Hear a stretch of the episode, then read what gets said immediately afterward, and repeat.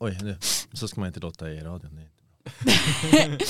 Okej, vi är inte de vanliga i studion idag. Idag har vi nämligen, vi har, ja, det känns som att man aldrig riktigt vet vilka som kommer sitta här på torsdagsmorgonen. Det känns som att vi alltid... Det är ett nytt... Det, eh, det är sällan det är, eller det är nästan aldrig det jag, eh, Thomas, Elliot och Emma. Det har inte varit en endaste gång sedan terminstart i alla fall. Eh, det har alltid varit med nya röster och eh, försvinnande röster. Eh, en helt ny röst för Godmorgon Umeå är... Alvin Amster! Yay! Välkommen till Godmorgon Umeå Amster, hur mår du idag? Jag mår bra, tack så jättemycket. Är ingen morgonmänniska överhuvudtaget, så uh, vi jobbar på det. Jag skulle säga att Godmorgon Umeå är det bästa sättet att bli en morgonmänniska. Morgonen blir lite roligare. Ja, man blir lite, det är lite trevligt. Lite trevligt. Ja. Eh, vi startar redan morgon med David Bowie och Under Pressure. Eh, vi ska snacka lite filmer, filmer som handlar om eh, kända musikaliska män, verkar ju vara ett eh, tema i modern tid. Eh, vi ska snacka lite högtid i Kenya. Vi ska snacka lite ja, ja. livet, döden och eh, Abster, du har ju faktiskt, eh, du gör ju lite roliga grejer. Ja, det gör jag. Vad är det, Vad är det du, du kanske gör? gör flera roliga grejer, men vi tänker på en speciell grej. Ja, det är att eh, i programmet jag läser strategisk kommunikation då så har vi att eh, delkurser vi gör nu är att vi ska göra om en organisation eller företags grafiska profil. Och vi har då valt eh, Mickelbo gård som är en liten gård som är mellan Ume och eh, Skellefteå som har eh, lamor, jakar, kameler, hamstrar och massa andra spännande djur. Uh, så du håller, här, nu blir det en liten pitch för ja. Eh, den här gården. Ja, det blir det. Uh, vi, ska, vi ska lotta idag vilka av oss fyra, det är åtta personer i gruppen, så vilka fyra av oss som ska åka till Mickelbo gård imorgon uh, och besöka den och få lite input så att säga. Okay. Men okej, okay, så ni ska göra det, ni ska ändra deras grafiska design. Ja precis. Eh, om vi kan få en bild av hur ser deras grafiska design ja, ut ja. idag? Om jag går in på, har du någon Instagram? Nej nej, först låt, okay. låt Abster ja. först förklara och right. sen kan du se om det matchar det, det, du ser. eh, om man går in på deras eh, hemsida då så skulle jag säga att eh, eh loggan eh, ser ut att vara från 2004 så den har lite så här hamsterpaj-estetiken till sig. Ja, eh, och eh, hemsidan har ganska mycket eh, det är lite huller om buller allting. De har med allting som man tänker en liten djurpark ska ha med. Men till exempel om vi klickar på en bild på en ko för att läsa mer om kon, då kanske vi hamnar hos en undulat istället. Okej, okay, alltså det är också så att det inte bara ser ut som 2004, det kanske gjordes 2004. Ja, det visar sig att hemsidan gjordes runt kanske 2012-13 typ. Uh, fick vi reda på sen. Uh, men det var ett tag sedan. Det var ändå ett tag sedan liksom. Tio år. Och vi tycker att den gården verkar väldigt mysig och, och så liksom så här. Så vi tyckte För varför har ni valt den? Ni, fick ni välja helt själva? Vi fick välja helt själva. Och eh, jag tror anledningen till att vi, vi ville välja någonting lokalt så att man det skulle kunna åka dit men också för att det är lite roligare. Och så ville vi välja någonting som vi kände så här, vi tyckte verkade nice och att eh, vi också ville välja någonting som vi kände var kul att, att jobba med. Och djur är alltid roligt att jobba med så då körde vi på det.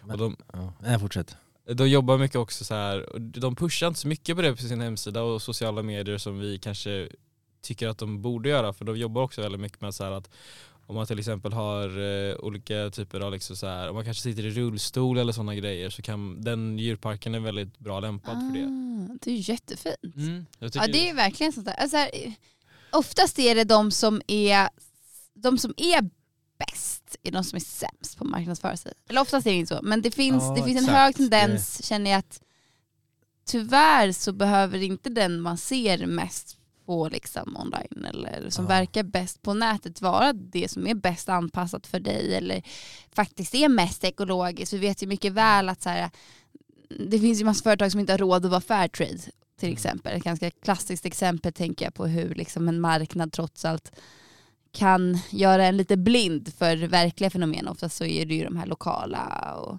kanske inte superrika eh, företagen eller organisationerna som gör mycket gott och anpassar sig och jobbar väldigt hårt för det. Men kan inte du berätta vad exakt, liksom, vad är det ni ska göra? Ni, vad, vad början, alltså hur ser planen ut? Har ni liksom börjat? Eh... Ja, planen är ju att eh, dels att göra om själva eh, så här, eh, vi vet inte om vi faktiskt kommer att koda om hela hemsidan åt dem eller inte, för vi är Mm. inte programmerare. Ut- Men det är ju med att vi ger designförslag. Men det vi har gjort är att vi har gjort om eh, loggan eh, och vi gör om mycket med färgerna och formgivningen på själva hemsidan.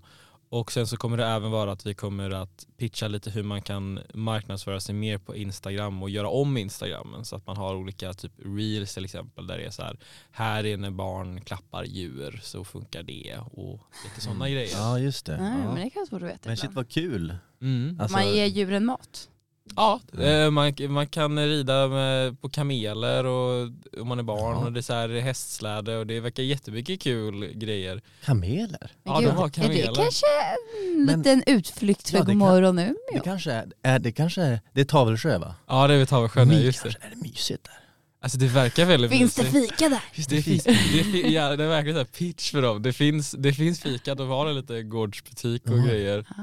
Har de, är det liksom, eh, har de öppet även under vintern och sådär? Ja. De har så här julmarknad och sånt säkert? ja, jag tror att jag måste få bättre, vi måste få bättre koll på det när exakt de har öppet. Vi vet att de har öppet under jul och liknande och så liksom. Det är, lite, Det är viktigt att det är reklam för det på Instagram.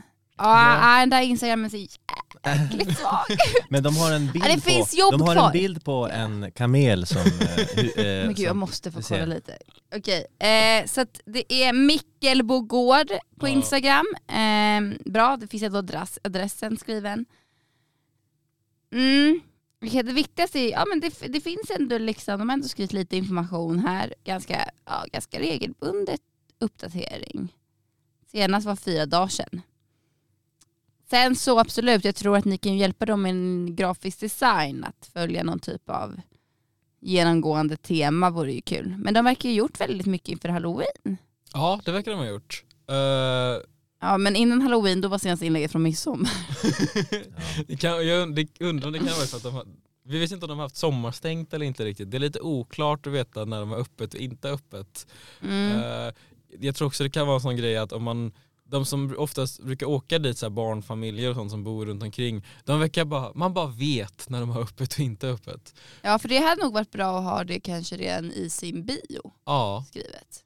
precis. Så det, Ja men eh, för alla lyssnare, gå in nu och kolla och sen så väntar ni en månad och så går ni in och kollar igen. Mm. Skoter, vänta nu måste jag säga. Oj. Skotercafé.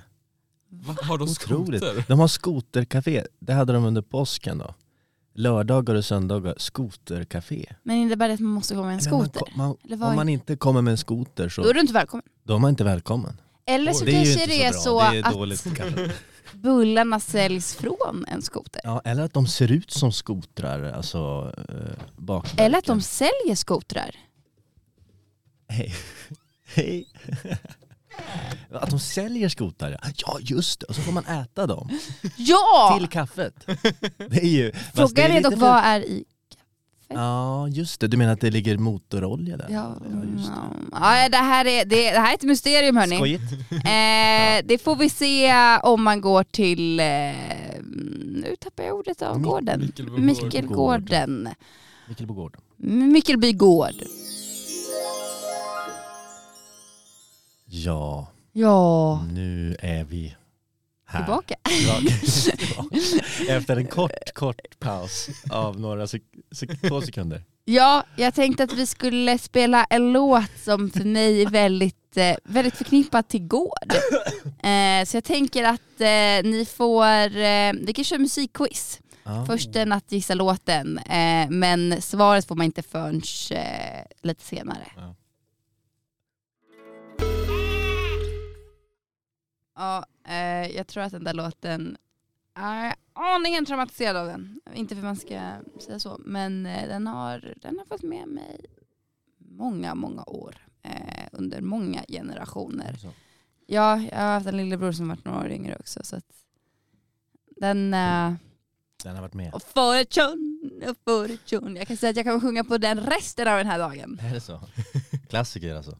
Eh, ska vi prata lite grann nu om det här med eh, att biblioteket Ja. Himla härligt alltså. Att biblioteket... biblioteket är en fantastisk grej. Ja, alltså det var ju då så att, eh, när var det? Ja, under lördagen så, så hade de liksom glömt att stänga eh, biblioteket. Det skulle vara stängt. I Göteborg? Göteborg. Göteborg. Ja, det skulle vara stängt. Men så hade de glömt att låsa. Och då kom det ju in massa folk då. Och I, lånade böcker. Ja, och ska vi lyssna på vad, hur eh, det låter på SVT Nyheter? Är det här en äkta solskenshistoria? Jo, det är det ta med 17. Det kunde ha gått illa, men det gjorde inte det. Och det är tack vare människorna som det inte gick illa. Den här boken var den första som lånades. Så det var härifrån som eh, en besökare lånade, simma lugnt och sen fick med sig hem och sitta och läsa just nu. Den är inte tillbaka misstänker jag? Nej, den är inte tillbaka. Orsaken till att biblioteket var öppet var den mänskliga faktorn och biblioteket kommer se till att det aldrig händer igen. Behöver man ha personal på biblioteket hela tiden? Ja, det behöver man ha. Det behöver man. Annars skulle de ju inte ha ringt oss om de inte saknade oss. Man lånade sina böcker, man tog dem inte. Man satt och ja, läste. Ja, vi kan... Gud, alltså, det här är ju, låter jättedramatiskt. Det är ju, det är ju alltså... Det, det jag ändå tänker är så här. Eh, om jag kanske bara försöker låta negativ här nu, men det var liksom... Folk trodde att det var öppet bara.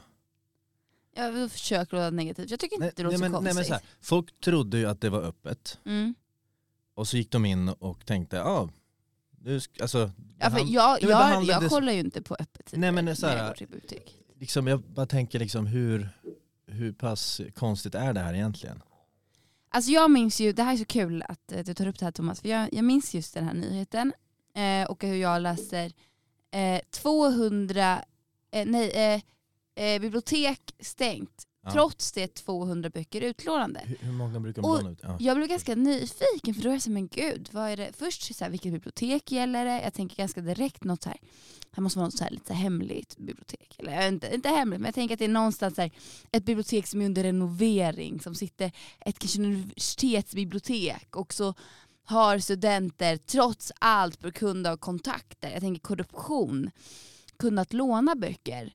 Eh, och jag tycker det är så fascinerande att sen när jag väl började läsa på den här så är jag såhär, jaha, det är bara att de inte är låst och folk i vanlig ordning lånade böcker och inte snodde utan lånade och var gulliga.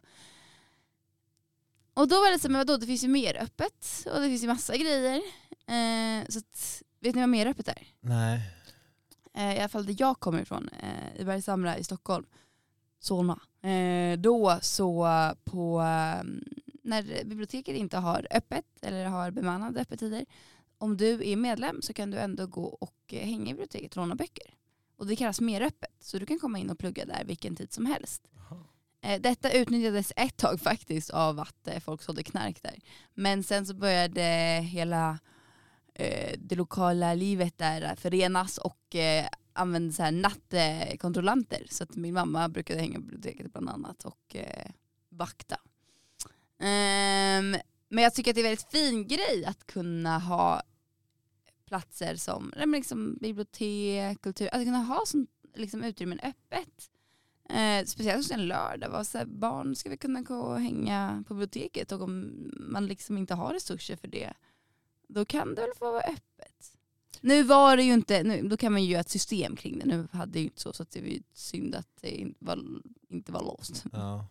Men men vad heter det, eh, alltså hur liksom så här, att man tänker då så att man är glad att folk inte var inne där och typ förstörde hela stället då. Ja eller snodde ja, böcker kanske. Att snodde böcker, precis. Att, men det känns bara som att många tänkte så här, ja personalen finns väl här någonstans. Ja. Eller alltså Jo oftast bara, ja, brukar jag känna mig lite påträngande ja, om jag dessutom ska be personalen om hjälp. Ja de kanske är på kaffe typ, så, här, så går man in. Eller det kanske är så, nu, ska, nu kanske, det kanske var så att om det är så att alla tänkte så här, shit, om alla insåg okej okay, nu är det faktiskt eh, liksom, det är en vajsing här. det, de, det, det ska, de, har liksom, de har fuckat upp här nu så här. Då är det ju då är det fint. Ja men, Men det, var ju, det var ju lite så, de ringde ju Ja, men, Försvararen ja, just det, det var, ja. Och frågade ju ja men jag bara ser framför mig, jag tänkte alla så här så. Som kom in och tänkte, det var som en grupp som bara Wow, vad händer liksom? Eller så här, det var någon som tänkte vänta nu, det är inte, alltså, förstår du vad jag menar? Hur, hur dramatiskt Ja. är det här egentligen? Alltså jag, vet, inte, jag tänker mig att så här, kommer jag in i ett bibliotek, oftast har jag ett ganska tydligt mål. Tydligt. Antingen är det att jag ska sätta mig och plugga Ja. eller jag ska ha den där Jag boken. ska ha den där boken. Eller när jag var yngre i och för sig, då kunde jag väl, gud, yngre, ja, men då kunde jag komma in och vara lite så här, hjälp mig hitta en bok som jag kan läsa. Det var så. Eh, ja, då är ändå så här, Ja, men det gjorde jag nog ändå. Men inte för att jag läste den boken sen. Alltså jag har, jag jag har säkert tio böcker jag har behövt betala för på Bergsman bibliotek för att jag inte har lämnat dem i tid. Och eh, då har jag inte öppnat de här böckerna. Eh, en bok jag till och med fick köpa för jag hittade aldrig den. aj aj aj. Men ja, eh, så att, jo, jo, jag har ändå någon gång utnyttjat personalen. Men jag tänker att de flesta åker, kommer till biblioteket med ett mål. Ja, Exakt. det- Fin, fin nyhet ändå, fint. Ja men Ja men härligt. faktiskt. Ja. Bra, bra, bra bibliotek. Bra, bra, bibliotek. människor. Bra. Men eh, det finns en värld. Det finns en värld. Eh, och vi har inga högtider kopplade till bibliotek. Men kan vi ha högtider, eller helgdagar kopplade till att plantera träd? Det låter jättemysigt. Det tycker jag också. Det låter väldigt bra. Det är nämligen en ny helgdag i Kenya. Alla ska plantera träd. Träddagen. Träddagen. Eh, 15 miljarder nya träd Oj. vid 2032. Ah, Det är målet för Kenias regering. Som nu meddelar att 13 november 2023 är en särskild helgdag för trädplantering. Så det är snart, det är på måndag den här dagen eh, infaller.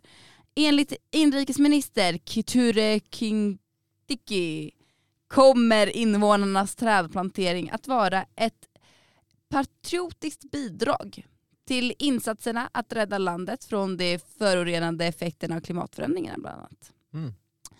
Regeringen har utlyst en särskild helgdag i månaden som är då som sagt den 13 november under vilken alla i hela landet förväntas att plantera ett träd. Eh, och det meddelade han bland annat på Twitter tidigare, eller X som det numera kallas.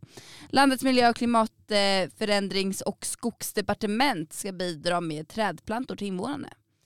Eh, så det här, och det här med trä, trädplanteringen det ingår bland annat i eh, många av landets klimatlöften för att lösa den pågående klimatkrisen. Eh, så att jag tycker det här är jättespännande. Både, vet du, ofta vi har, eller ofta man, när vi firar saker och satta högtider, att vi funderar liksom, varför gör vi det här? Jag tänker att det är många, midsommar är också en sån där klassisk, men va? Och även påsk, liksom, hur kom liksom påskägget när det var lite Jesus och även, även jul, då är det lite såhär, vadå Jesus dog väl? Varför är vi så glada? Och varför är det här en sån fest? Vänta vadå? Jesus dog väl på julafton?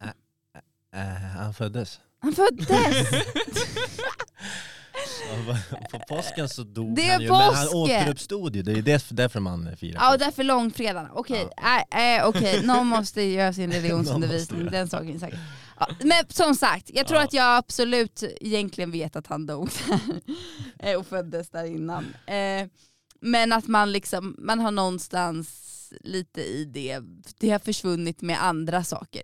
Eh, Jag var ett väldigt tydligt exempel, när jag firar jul tänker inte jag så mycket på Jesus födelse. Du tänker på Eh, jultomten. Jag tänker lite mer Kanske. på hans död verkligen. Ja det, är- det är lite märkligt. Ja.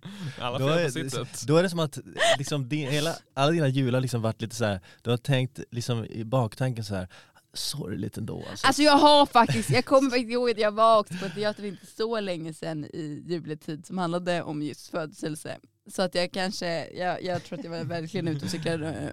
Det var 50-50 där. Men eh, jag tänker att det är, liksom, det är ändå kul att här är det, liksom, det här är kanske också en sån här en helgdag som om 30 år kommer säga, men varför planterar vi träd? Var det, var det någon Mm. som föddes, dog, eh, återförenades? Mm, jag vet inte, mm, mass, mass, alltså så här, vad, vad, ett krig som slutade eller krig som började. Eller, alltså vad hände här? Och då är det bara så här, nej men vi, det är för klimatförändringarna. Ja, vi bara tänkte så här, nu är det dags Ja. för träd. Det är dags för oss och planet och, tycker Ab- och luft. Om, om träddagen? Jag tycker det låter jättebra.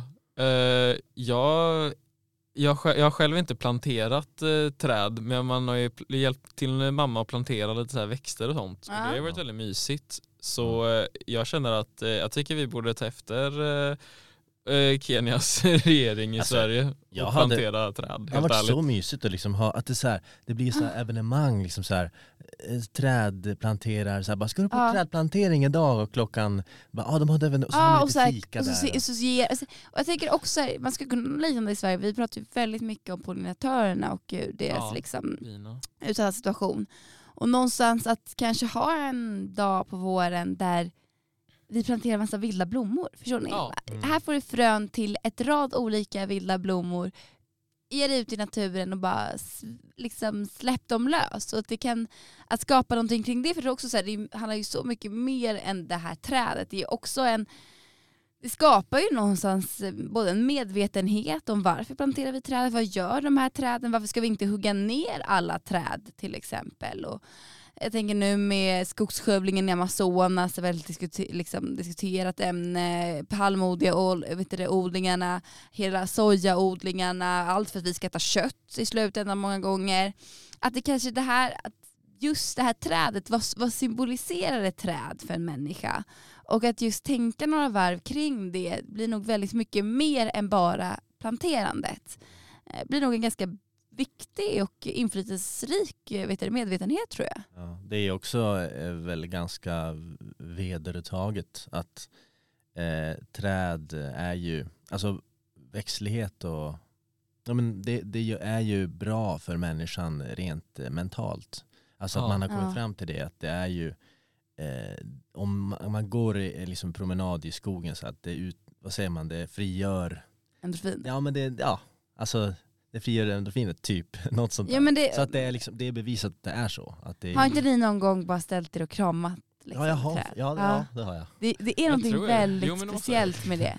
Ja. Att bara liksom lägga örat mot stammen, känna björken Mm. liksom som så här kliar lite mot kinden. Ja, Alltså det är, klappa lite så här. ja, Hej du, hej hej. ja. Men också, man, jag tycker man ofta känner så här, gud det är några år på alltså man känner, Det känns verkligen som en levande organism. Mm, liksom. exakt. Det- Fatta allt det här har jag sett och känt och fått ut. Alltså här, väldigt, det är ganska mäktigt. Och sen så Mm. också allting så här, träd och familjeträd och rötter. Det är ju någonting som är väldigt starkt i trädet. Eh, Det är ju Det väldigt... symboliska Livet. värdet liksom. ja.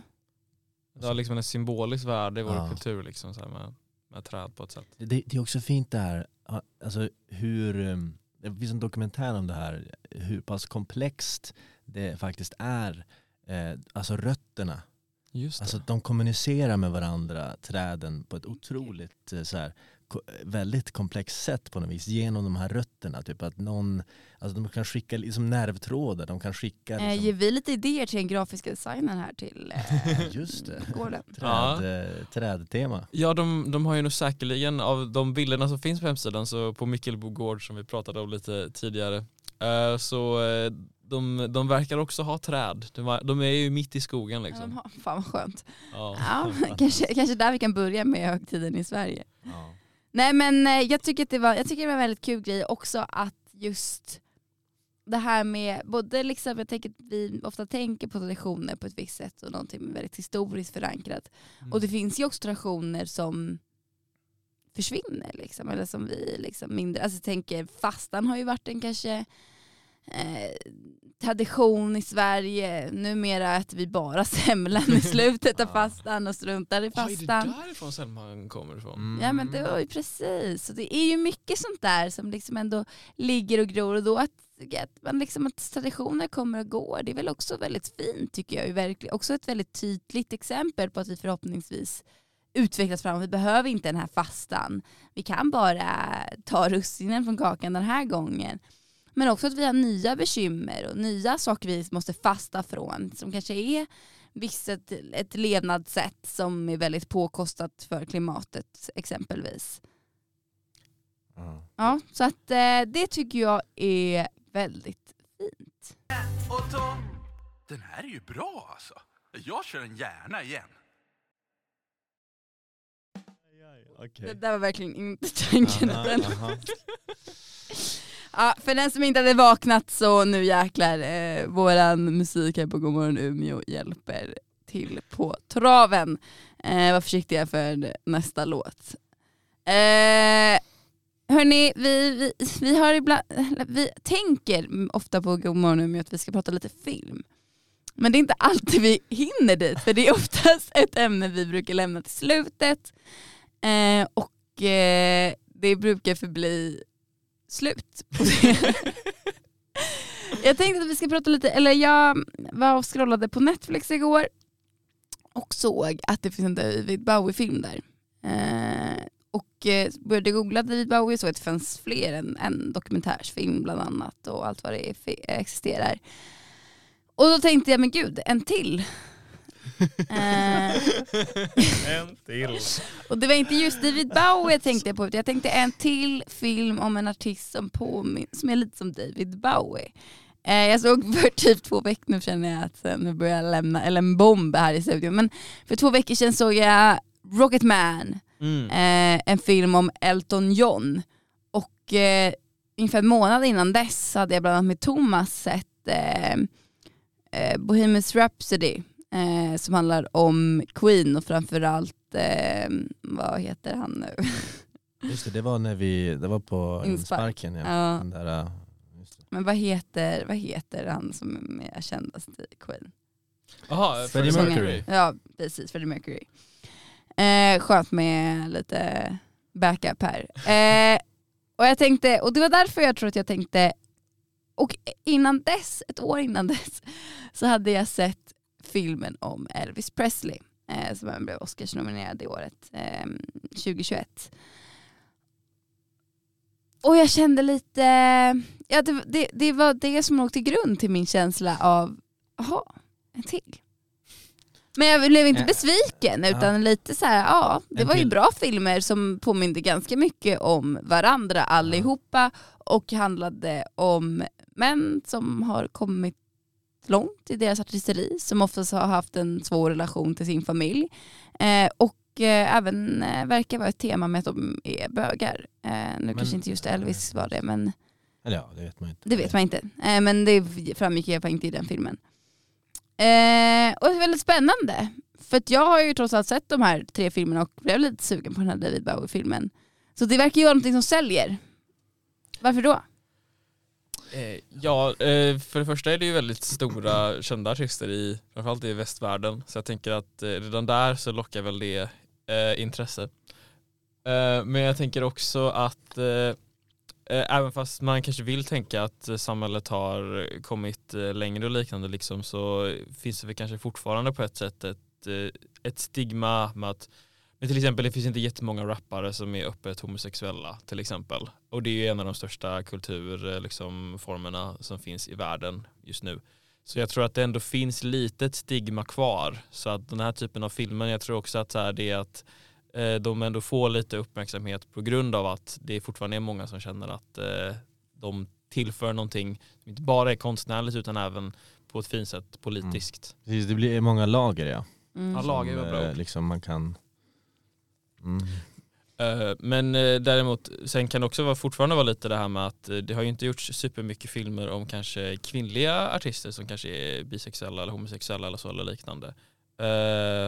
Eller bara rent generellt. Eller jag kommer på generellt. typ en om, de gjorde väl den här om Aretha Franklin, Ja. där Beyoncé spelade någon roll. Ehm, ja, just det. det är lite den jag kommer på. Så jag gjorde, just det, den här om, ehm, oj gud jag kommer inte alls ihåg, men en annan eh, soulartist. Den här när, som sjunger om att eh, man ser människor döda på träden, eller människor hänger på träden. Jaha, Nina Simone. Nina Simone, Ja. just det. Just, just det. Mm, det Precis. finns en film va? Ja. Eh, Just det. Jag Just hoppas ju att det är eh, Men också då tänker jag, så här, det finns ju också mycket filmer om just kanske lite soul bluesartister som eh, har fått, för någonstans film jobbar ju som sagt i många lager många gånger och just det här både mycket det här med ens bakgrund och då har det ju handlat väldigt mycket om ens liksom också vad, hur är det att ha en annan liksom, hudfärg i USA på den här tiden till exempel än om man är mörkhyad exempelvis. Och det har ju också reflekterat det som också lever kvar någonstans i vårt samhälle och kanske ligger till grund till Black Lives Matter och mycket annat. Så att, att det är filmer som tar kamper kan man ju verkligen eh, tycka. Eh, sen så tycker jag också kul att det, men att det finns just där, vi tycker ju väldigt kul att se på liksom, men lite, lite, det är lite ikoner, det är folk, det är lite kändisar, det är de här lite otagbara och helt plötsligt känner de liksom förstår dem på något vis. Och det är också liksom skönt att känna att de har kämpat, att de har eh, att det finns en historia bakom det här artisteriet. Och helt plötsligt, det, skapas ju liksom, det skapas ju myter och det skapas ju bilder och historier som blir väldigt mycket mer än bara deras musik. Och man brukar ibland prata om konstnären och konstverket. Eh, oftast i termer av att kanske konstnären, man tycker att konstnär, liksom kan man koppla de två från varandra. Ett sånt genomgående tema var kanske varit med Kanye West och hans eh, ja, kanske lite mer konservativa uttryckanden. Eh, Michael Jackson. Michael Jackson inte minst, kanske ett av de tydligaste mm. exemplen. Eh, men ibland kan vi ju också tycka musik är bra kanske för att vi tycker att konstnären är bra. Oh, Eller för att vi, den här bilden om den här konstnären. Och nu, jag går runt och faktiskt ibland då och då tänker på, äh, vet du, ähm, ja, men både liksom hela Queens historia, som är saker jag inte har tänkt på. Och jag måste säga att både efter Rocketman och Bohemian Rhapsody så lyssnade jag på deras musik. Så det är ju också reklam för musiken. Eh, och framförallt Elton John som jag kanske inte varit superstort fan av överhuvudtaget. Och oftast sett som någon jag tycker verkar lite ja, men lite översittare nästan. Så när han kommer och så, liksom ska ha så mycket fina kläder och känns lite, lite fake på något vis. Så helt plötsligt efter jag såg den här filmen, men gud, jäklar vad cool han är vad han har hållit på med och vilken idiot han hade till pappa. Mycket, mycket, mycket jobbiga pappor verkar ju ha funnits. Eller icke-existerande pappor, eller närvarande då snarare.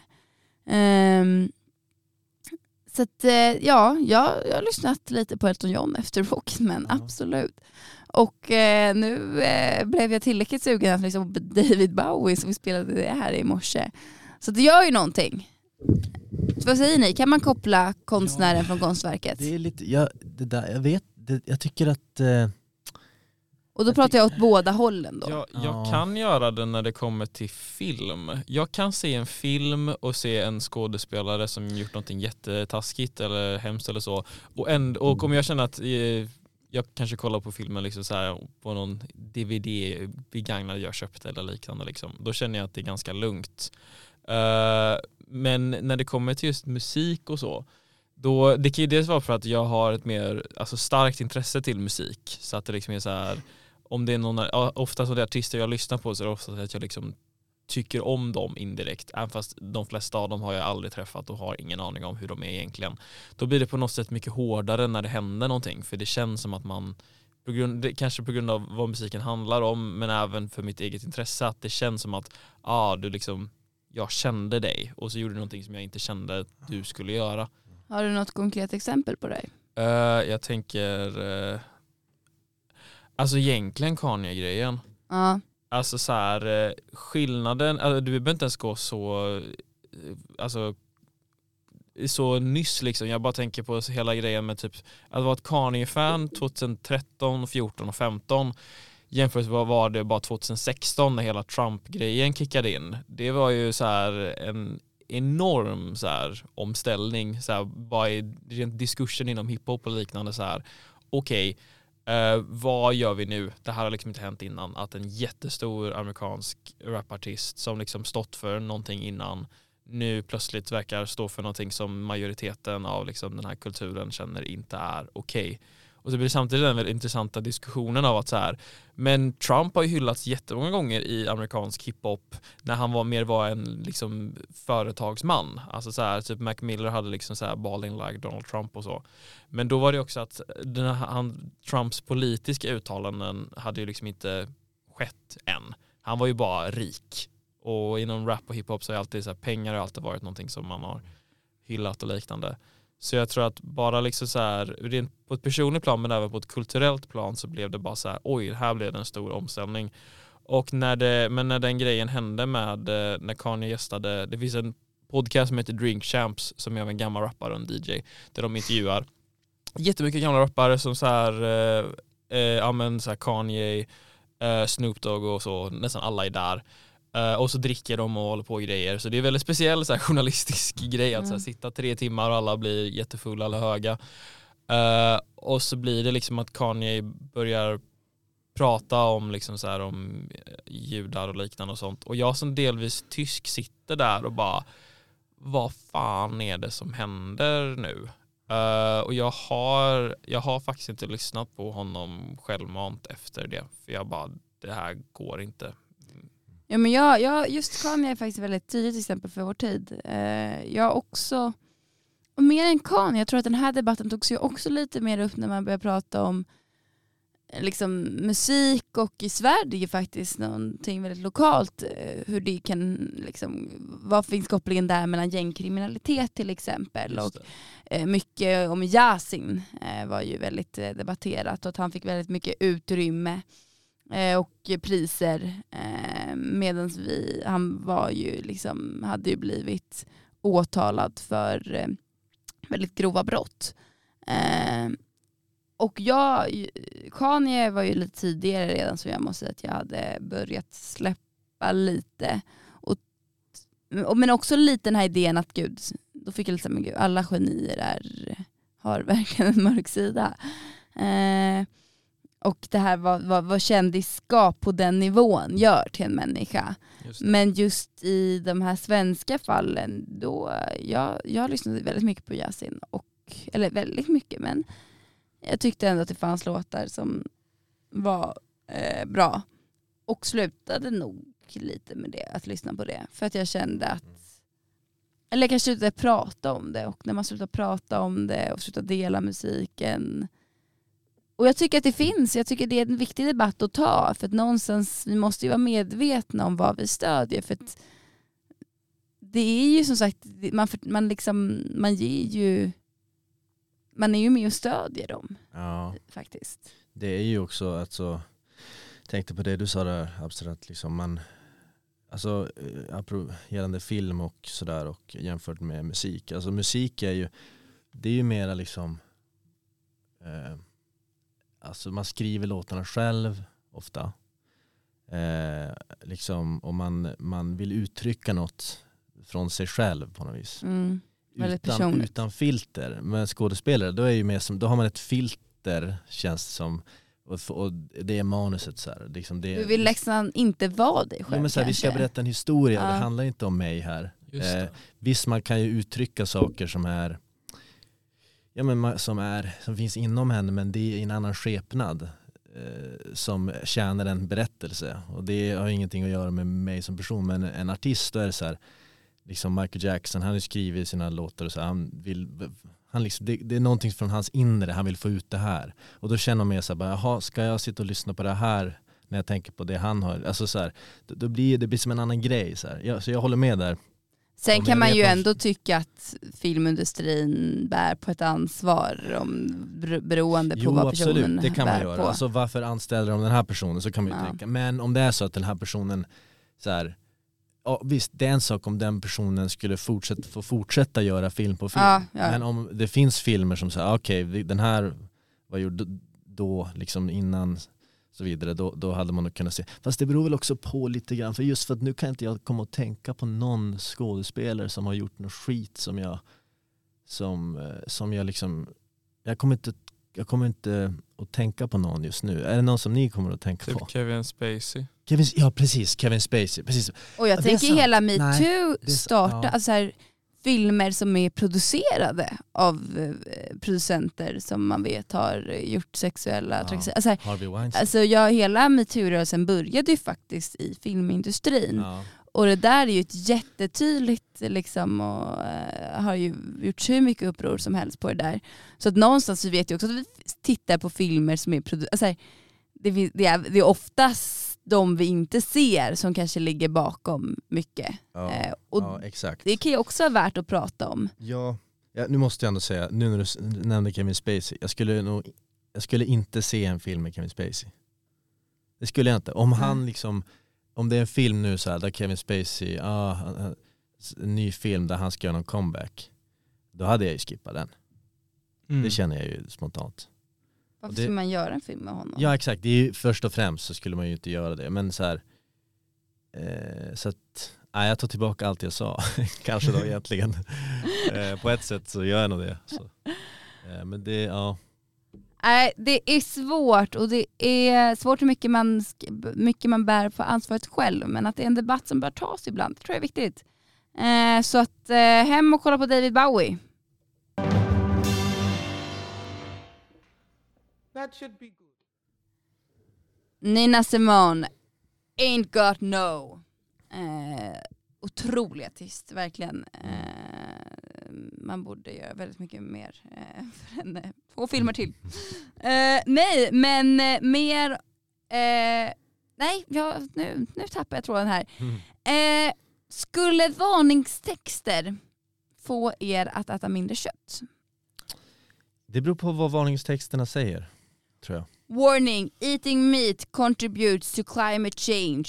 Mm. Eh, och så är det en bild på typ eh, ett landskap som Mm. är helt eh, dystopiskt. Ja, det, det, det, skulle, det, det, det kan jag börja känna mer och mer faktiskt. Att jag känner att så här, nej, då skiter jag i kött. Börjar känna mer och mer. Men jag tror, jag tror alltså som, som det är liksom, man är ju människa och då blir det ju, då blir det ju att det som är närmast, det gör ju att man, att man börjar eh, tänka till mest så att säga.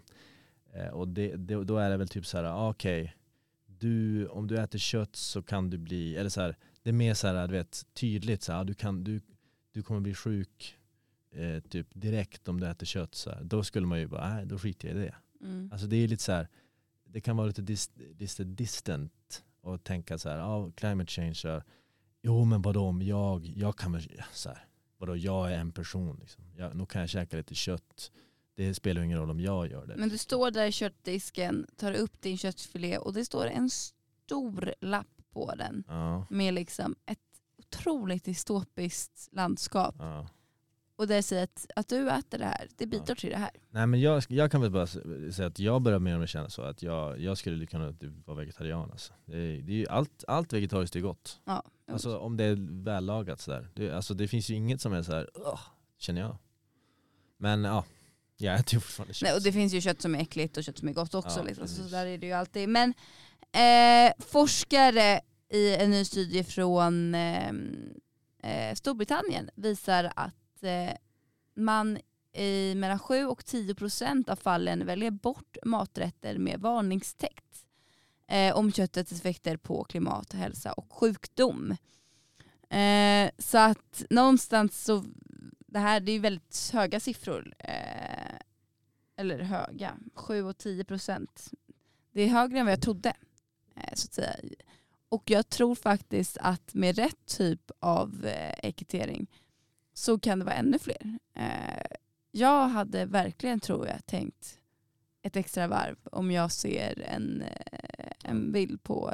För man vet ju om det där men man, det är ju så lätt att blunda för saker. Det är så lätt att tänka vad är jag för Mm. skillnad. Mm. Eh, men har man det där i hand, alltså jag tror det, det, om, det, om man redan har det i baktankarna så kan bara en, liksom en bild som visualiserar de här tankarna och påminna dig om de tankarna få dig att säga nej, inte idag kanske. Ja. Jag tror det kan få oss att, kanske inte, det behöver inte få oss att sluta äta kött, men absolut äta mindre kött och det är ju det det här mycket handlar om. Att vi kan ju inte äta köttet i den mängd som vi gör idag. Nej. Ehm, och eh, det är väldigt spännande det här tycker jag faktiskt för att någonstans, man, det här är ju en ganska stor debatt, ganska personlig debatt också. Många tycker ju att eh, sin kost och framförallt sin köttätande kost eh, är väldigt, eh, men väldigt personlig och eh, liksom håller en väldigt starkt till sig själv. Eh, men det kanske, den kanske inte blir lika, jag känner att folk kan ibland, idag är det fortfarande som okej att kräva att få kött. Ja. Ehm, jag vet att, eh, eller jag har varit på så årsmöten till exempel med olika föreningar. Där man, I många olika föreningar har man ju stadgarna att de bara eh, vet du, eh, subventionerar vegetarisk kost till exempel. Eh, och eh, att liksom, hur folk kan nästan känna sig liksom lite, lite hotade av det där. Och så här, men gud, ska inte jag få mitt kött? Så hur kommer det sig? Och, Där är- alltså, ah, det, det, är liksom en, det känns som att där, för många är det där att om man liksom det finns den här grejen med såhär, ja men vänta nu, så här. Jaha du är vegetarian, jaha du käkar bara bönor då, så du får ju inte i dig tillräckligt med protein, du, du måste ju du måste ju liksom få i dig. Så här. Att det är det som är, är en grej av det. Så här. Också att, att många säger så här, bara, Nej, men jag känner så här, när jag, om, jag, om, jag käkar, om jag inte käkar kött, man känner liksom inte så här man blir liksom inte mätt så man känner liksom att, och det har ju, har ihop med det, så här, men jag får, känner liksom inte att jag har ätit så här. det känns inget bra typ. Och att det är en grej liksom att, så här, att man behöver kött för att må bra och så vidare. Och det är frågan om det är så eller inte. Alltså det finns ju mer protein till exempel i vegofärs än vad det gör i köttbullar typ. Eller, Ja. Alltså i alla fall sådana här köpes, dassiga köpes eh, köttbullar. Eh, Alltså vad jag Ja. förstår. Jag kollade på innehållsförteckningen, det är ju det. ja, och då ja. kände jag så här, bara, men fan, då, då käkar jag ju bara vegofärs. Då skiter jag i köttbullar kände jag direkt. Jo, jo. För att, ja, men Men- det är ju skitgott om man pimpar upp en vegofärs eh, med mycket kryddor och det är ju så här, det är ju toppen. Men ofta handlar det ju inte, alltså, det som också är lite del av den här debatten är ju att eh, kött, eller just om man skulle etikera kött eller inte, det är ett kött som till exempel tobak och livsmedel som läsk och kakor och annat som kan ha fått sådana Mm. etiketter tidigare och i andra länder framförallt. Eh, så är det ju att kött inte är hälsofarligt på samma sätt. Eh, liksom om vi konsumerar på befolkningsnivå. Utan det är ju mer farligt, det kan ju absolut vara hälsofarligt också i allting i för stora mängder. Men det är ju framförallt för planeten det. eh, och även någon typ av egen kons- hälsas skull. Ja, roligt. Eh, så det är ju en lite mer komplex debatt än Precis. till exempel tobak många- har ju, kommer ju sällan med någonting bra. Nej, precis. Men jag tror många bryr sig, tror inte att det här med, att, med hälsan, att det där kommer att, det är det som skulle göra så att fler människor, tror du inte det? För många är Ja. sådär, du vet, att de tänker så här, ja men vadå så här. Alltså, eller? Jo, alltså, som- jag har ju en stora syster som har varit eh, elitspelare i MMA. Eh, och hon var ju helt vegan. Mm. eh, tillsammans med hennes pojkvän som också då hade varit i UFC. Eh, och eh, de åt ju helt vegansk kost på grund av hälsoskäl. Eh, det var bättre för dem att äta helt veganskt. Och då är det här människor som tränar två gånger per dag. Veganskt, alltså inte Nej, vegetariskt? veganskt. Okej, shit. Eh, och fick ju i sig, alltså det här är ju människor som är väldigt stora, väldigt mycket muskler. Eh, och tränar och har väldigt, liksom, behöver få i sig mycket energi. Så att någonstans, den här dokumentären som också varit väldigt omdebatterad, What the Health, gick Mm. ju in på bland annat hälsoaspekterna och pratade om den korrupta eh, hälsosynen på kött. Eh, den har fått kritik från flera håll men den ska ju ha en poäng. Eh, så absolut, jag tror om vi, eller mer att det skapar något, ett, har de här etiketterna om någonting så ska, formar ju det en debatt eh, som kan i alla fall få oss att kanske tänka lite mer på bland annat dess hälsoeffekter men inte minst klimatet. Och lite mer vad mer kan vi avstå från. Eh, men det är kul, nästa gång vi tar flyget, undrar vad det är för etikett på stolen framför oss. Mm, just det, så här, vad håller du på med? Ja, varför sitter du här? Varför sitter du här? Ditt jävla Kliv av pucko! planet Gå direkt. till tåget! Eh, Shit? Och så någon som så här, Typ som den här, vad heter den, eh, så här, Uncle Sam. Eh, Den här, så här Ja. We want, I want you. Så här, Ja, Dormy. och då är det så här, någon som pekar, typ någon sån här klimatperson som pekar så här, vad, vad fan? Greta Thunberg. Ja precis, vad What gör you du? doing? Vad gör du? Jag tänkte på ett kul exempel på det var att, eh, för jag har ju försökt att köpa mer viltkött istället för liksom vanligt kött så att säga. Och så var det att jag eh, ja, men köpte lite olika så här, skav och sånt. Och så var det att jag köpte ett tag så här kronhjortsskav och så tänkte jag att ja, men det här är bra, kronhjortar. De, Kronhjort. ja de är i, i Norden, det är lugnt. Och så kollade jag en gång på, på etiketten bakom så står det köttet ursprung Nya Zeeland. Jaha. Och jag bara, vänta vad fan i helvete, det finns inga jävla kronhjortar i Nya Zeeland. Nej, vad fan ja. är det som händer här? Det vet jag liksom så här. Nej, tji fick jag för då har man planterat in kronhjortar Jag dör. på Nya Zeeland. Alltså. För att så här, där är det ju frodigt och bördigt så där kan vi ju ha dem och så kan de bli stora och så kan Shit, vi frakta alltså. dem. Så mitt eh, klimatsmarta val som jag trodde, ja, det var ju hur dåligt Ah, som helst. shit. Så det blir inga mer eh, kronhjorts, eller kronhjortsskav på ett tag så att säga. Ja. Nej, det är, det är svårt att hur mycket som ska sitta på individen och hur mycket man kan sätta på politikerna är en eh, oändlig debatt. Men eh, kanske att de där eh, sakerna går ofta hand i hand. Det kanske behövs att vi själva är lite medvetna om vårt handlande för att också kunna sätta press på eh, större instanser. Men eh, mer om det till en annan gång. Klockan är 09.59.